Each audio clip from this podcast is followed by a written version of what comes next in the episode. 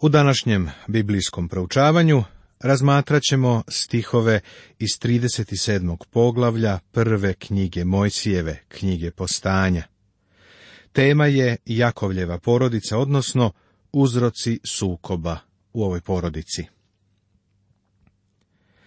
A Jakov življaše u zemlji gde mu je otac bio došljak, u zemlji Hananskoj. Jakov se očito preselio dole, južno od Vitlejema, i došao je do Hevrona. Na ovom mestu se Javram nastanio. To je mesto zajednice, zajedništvo sa Bogom.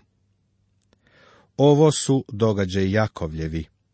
Josif, kad beše momak od sedamnaest godina, pasaše stoku s braćom svojom, koji rodiše Vala i zelfa, žene oca njegova, i donošaše Josif zle glasove o njima ocu svojemu. Vidimo da su ti mnogobrojni dečaci, koje je Jakov imao, bili stvarno problematična deca, sa izuzetkom Josifa i Venjamina.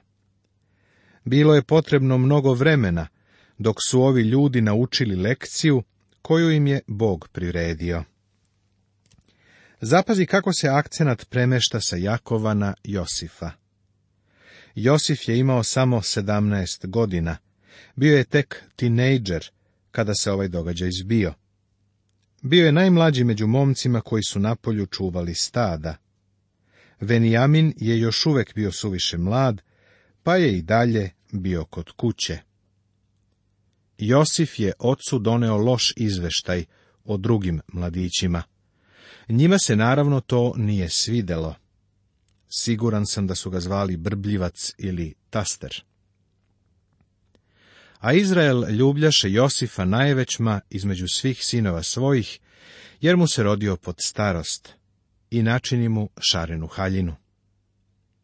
Trebalo je da Jakov nauči lekciju u svojoj kući. Znao je da imati miljenike u porodici dovodi do problema. Njegov otac je više voleo starijeg sina, pa je Jakov znao šta znači biti diskriminisan. Ali on ovdje postupa na isti način. Možemo razumeti njegova osjećanja, jer znamo da je Rahilja bila žena koju je on stvarno voleo. A i Josif je baš bio dobar momak, pa ga je Jakov nežno voleo. Iako je sve ovo istina, još uvek ne može biti opravdanje on nije smeo da mu napravi tu šarenu haljinu. Drugi mogući prevod šarene haljine bio bi haljina sa rukavima, halja ili ogrtač sa dugačkim rukavima. Uobičajena haljina tog vremena bila je sačinjena od jednog komada platna, koje je bilo dugačko oko tri metra. Na sredini bi napravili rupu i kroz nju provukli glavu. Pola tkanine bi padalo spreda, a pola od pozadi. Haljinu bi zatim vezali oko struka ili bi sašili ivice, pa bi to onda stvarno bila haljina i nisu imali rukave. Tako, staviti rukave na nečiju haljinu značilo je istaći ga i izdvojiti od ostalih. Naravno, i šarena haljina je bila nešto što bi ga izdvajalo. A braća videći gde ga otac ljubi najvećma između sve braće njegove, stadoše mrziti nanj, tako da mu ne mogahu lepu reč progovoriti. Braća su ga naravno mrzela, jer je bio očev miljenik. Sa njim nisu mogli staloženo ni da govore. Tako i u ovoj porodici vidimo sukob. Kažem ti, bez obzira čija je porodica, greh će je uništiti. Greh uništava živote, uništava porodice, greh uništava zajednice i narode. To je naš današnji problem sa našim porodicama i gradovima i narodima. Postoji samo jedan uzrok. Bog ga naziva grehom. Tako mi ovdje vidimo da je Josif predmet diskriminacije. Njegov otac pravi razliku između njega i ostale braće, više ga voli njegova braća pokazuju svoju mržnju prema Josifu. Josifovi snovi su razlog što ga braća još više mrze. Uz to usni Josif san i pripovedi braći svojoj, te oni još većma omrznu nanj, jer im reče da čujete san što sam snio. Kako bismo objasnili njegovo ponašanje ovde? Zašto bi on otišao kod svoga oca i prenosio o braći, kada je znao da će to izazvati njihovu mržnju. Pa, ja mislim da on nije znao kako ovaj svet može biti zao. On nije imao pojma kako su njegova braća bila zla. Mislim da je on u to vrijeme bio prilično lakoveran. Dugo mu je trebalo da uvidi kako to biva u svetu, ali stvarno je naučio. Na kraju je verovatno znao o svetu i zloći čoveka prema čoveku koliko i bilo ko drugi. Ali to je bilo kasnije, ne sada. Možeš zamisliti koliko je Josif bio zaštićen. Njegov otac je svu svoju naklonost bio usmerio ka Rahilji. Zaljubio se u nju na prvi pogled i za nju je radio 14 godina a onda su mnoge godine prošle pre nego što mu je rodila dete. Konačno se rodio Josif. Kakva je to sreća bila za Josifa. Ali Rahilje sada nema, pa on svoju ljubav usmerava na ovog momka. Nije smeo to da učini, imao je i druge sinove koje je trebalo odgajati, ali baš tako je postupio. Josif je bio voljen i zaštićen veza smo snoplje u polju, pa moj snop usta i ispravi se, a vaši snopovi iđahu unaokolo i klanjahu se snopu mojemu. Tada mu braće rekoše, da nećeš još biti car nad nama i zapovedati nam. Stoga još većma stadoše mrziti nanj radi snova njegovih i radi reči njegovih. Možeš li zamisliti kako su mu se podsmevali? Siguran sam da su bili cinični. Oni nisu stvarno verovali da će on vladati nad njima. Ipak su ga mrzeli, jer je to sanjao. Ali tu nije kraj snova. Sanjao je on još jedan. Posle opet usni drugi san. I pripovedi braći svojoj govoreći. Usnih opet san, a to se sunce i mesec i jedanaest zvezda klanjah u meni a pripovedi i ocu svojemu i braći svojoj. Ali ga otac prekori i reče mu, kakav je to san što si snio? E da li ćemo doći ja i mati tvoja i braća tvoja da se klanjamo tebi do zemlje? I zaviđahu mu braća, ali otac njegov čuvaše ove reči. Ispričao im je ovaj san i oni su shvatili o čemu im govori. Ista slika se javlja i u Svetom pismu Novoga Zaveta, u Jovanovom otkrivenju u 12. poglavlju, gde se opisuje žena obučena u sunce, a mesec joj pod nogama. Na glavi ima krunu od 12 zvezda. Ovo predstavlja izraelski narod. Braća su razumela da im Josif govori o njima, Izraeljevim sinovima. Ovde vidimo izraelski narod na samom njegovom začetku postanje je kao pupoljak. Cvet se lagano otvara dok idemo kroz pismo. Ovde imamo pupoljak koji se neće otvoriti sve dok ne stignemo do otkrivenja. On kasno cveta, da spomenem to, ali će se tamo rascvetati. Treba da razumemo ono što je rečeno, a ne da se trudimo da nagađamo. Ne treba nam nagađanje kada je sve ovako jasno izneseno. Vremešni Jakov je to tačno razumeo i okorio ga je. Da li to znači da će se pred tobom pokloniti tvoj otac, majka i tvoja braća? Sve što je Josif mogao da odgovori bilo je, to je bio san. On nije pokušao da ga tumači, jer je bilo očigledno. Njegova braća su to jednostavno pustila, nisu na to obraćala pažnju. Smatrali su da zato ne postoji apsolutno nikakva mogućnost, bar što se njih tiče. Znali su da se ni jedan od njih nikada ne bi poklonio pred Josifom. Ali Jakov je razmatrao to što se govorilo, odnosno čuvao je te reči, pamtio ih je. Jakov šalje Josifa kod braće. A kad braća njegova otidoše da pasu stoku, oca svojega kod Sihema. U ovo vreme Jakov i njegova porodica su živjeli oko Hevrona, što je 30 ili više kilometara južno od Jerusalima.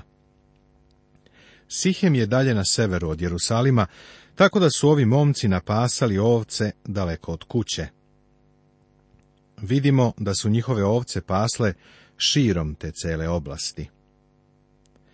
Reče Izrael Josifu, ne pasu li braća tvoja stoku kod Sihema? Hajde da te pošaljem k njima. A on reče, evo me. Josif je rekao, u redu, ići ću.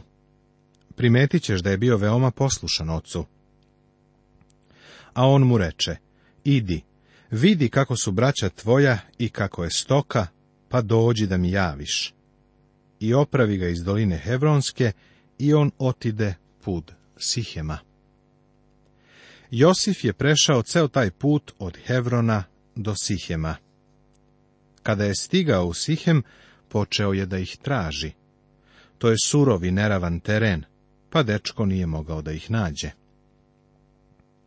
I čovek jedan nađe ga, a on luta po polju, te ga zapita govoreći šta tražiš. Zamišljam kako ovaj čovek primećuje da Josif pored njegovog šatora prolazi nekoliko puta. Zato ga pita koga traži. A on reče, tražim braću svoju, kaži mi molim te gde su, sa stokom. A čovek reče, otišli su odavde jer čuh gde rekoše, hajdemo u Dotaim. I ode Josif za braćom svojom i nađe ih u Dotajmu. Dotajim je daleko severno od Sihema.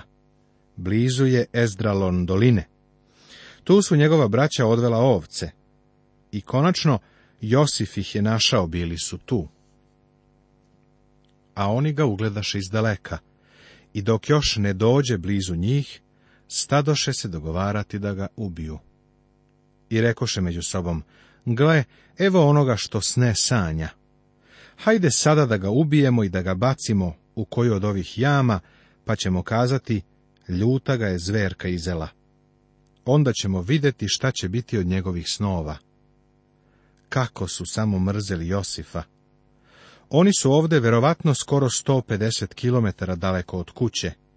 Jedan drugom govore, hajde da ga se sada otarasimo, da vidimo šta će biti od njegovih snova. Pre nego što nastavimo sa pričom, želim da tvoju pažnju usmerim na poređenje Josifa sa gospodom Isusom. Jednostavno ne bi smeo da propustiš ovu analogiju. Josifovo rođenje je bilo čudesno po tome što se desilo Božjom intervencijom, kao odgovor na molitvu. Ali se gospod opomenu Rahilje i uslišiv je, otvorio i matericu. Ovo je zapisano u prvoj knjizi Mojsijevoj u 30. poglavlju. Gospod Isus je rođen od device. Njegovo rođenje je stvarno bilo čudesno. Ovo je zapisano i u Evanđelju po Luki, u prvom poglavlju Svetoga pisma Novog Zaveta. Josifa je voleo njegov otac. Gospoda Isusa je voleo njegov otac koji je izjavio, ovo je sin moj, ljubljeni. Josif je imao šarenu haljinu, koja ga je izdvajala. Hristos je bio izdvojen po tome da je bio odvojen od grešnika. Ovo je zapisano u poslanici Jevrejima u sedmom poglavlju Svetoga pisma Novog Zaveta. Josif je objavio da će vladati nad svojom braćom. Gospod Isus se predstavio kao Mesija. Baš kao što su ismejali Josifovu poruku, ismijali su i Isusovu. U stvari, na njegov krst su prikucali reči, ovo je Isus, car jevrejski. Josifa je braći poslao otac, i Isus je bio poslan svoje braći, prvo je došao izgubljenim ovcama doma Izraeljeva. Josifa su braća mrzela bez razloga, a Isusa su također mrzela njegova braća bez razloga. I ovo je zapisano u Evanđelju po Jovanu u 15. poglavlju.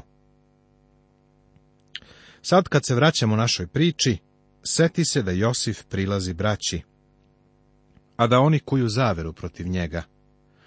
On je obukao tu šarinu haljinu, ili haljinu sa rukavima, što je bilo obeležje njegovog položaja. Moramo se setiti da je Josif mlađi od svoje braće, ali je po položaju bio iznad njih. Tako ovdje imamo svu tu mržnju i zavist, sve do tačke ubistva. Rubim je već izgubio svoje prvenaštvo. Međutim, ovdje se pokazuje u dobrom svetlu. Njegov sud je ipak zreliji od drugih.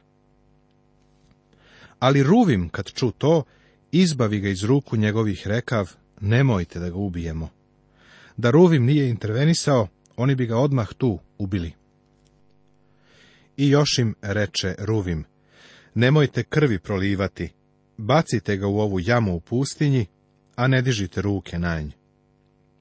A on ga htede izbaviti iz ruku njihovih i odvesti k ocu. To je bila Ruvimova namera, da kada Josifa bace u jamu, da se on spusti, izvuče ga iz jame i odvede kući ocu. I kad Josif dođe k braći svojoj, svukoše s njega haljinu njegovu, haljinu šarenu koju imaše na sebi. Haljina koju je Josif nosio, bila je kao mahanje crvenom zastavom ispred bika. Oni su ga mrzeli, jer ga je ta haljina odvajala od njih. Na osnovu zakona o prvenaštvu, starija braća su imala preče pravo. Tako su oni sa Josifa strgnuli tu omraženu haljinu i uhvativši ga, baciše ga u jamu. A jama beše prazna, ne beše vode u njoj. Posle sedoše da jedu. I podigavši oči ugledaše, a to gomila i smajljaca, iđaše od galada s kamilama natovarenim mirisavog korenja i tamjana i smirne, te nošahu u misir. Bio je ovo trgovački karavan koji je prolazio. I reče Juda braći svojoj, kakva će korist biti što ćemo ubiti brata svojega i zatajiti krv njegovu? Hajde da ga prodamo ovim Ismailcima, pa da ne dižemo ruke svoje nj, jer nam je brat, naše je telo.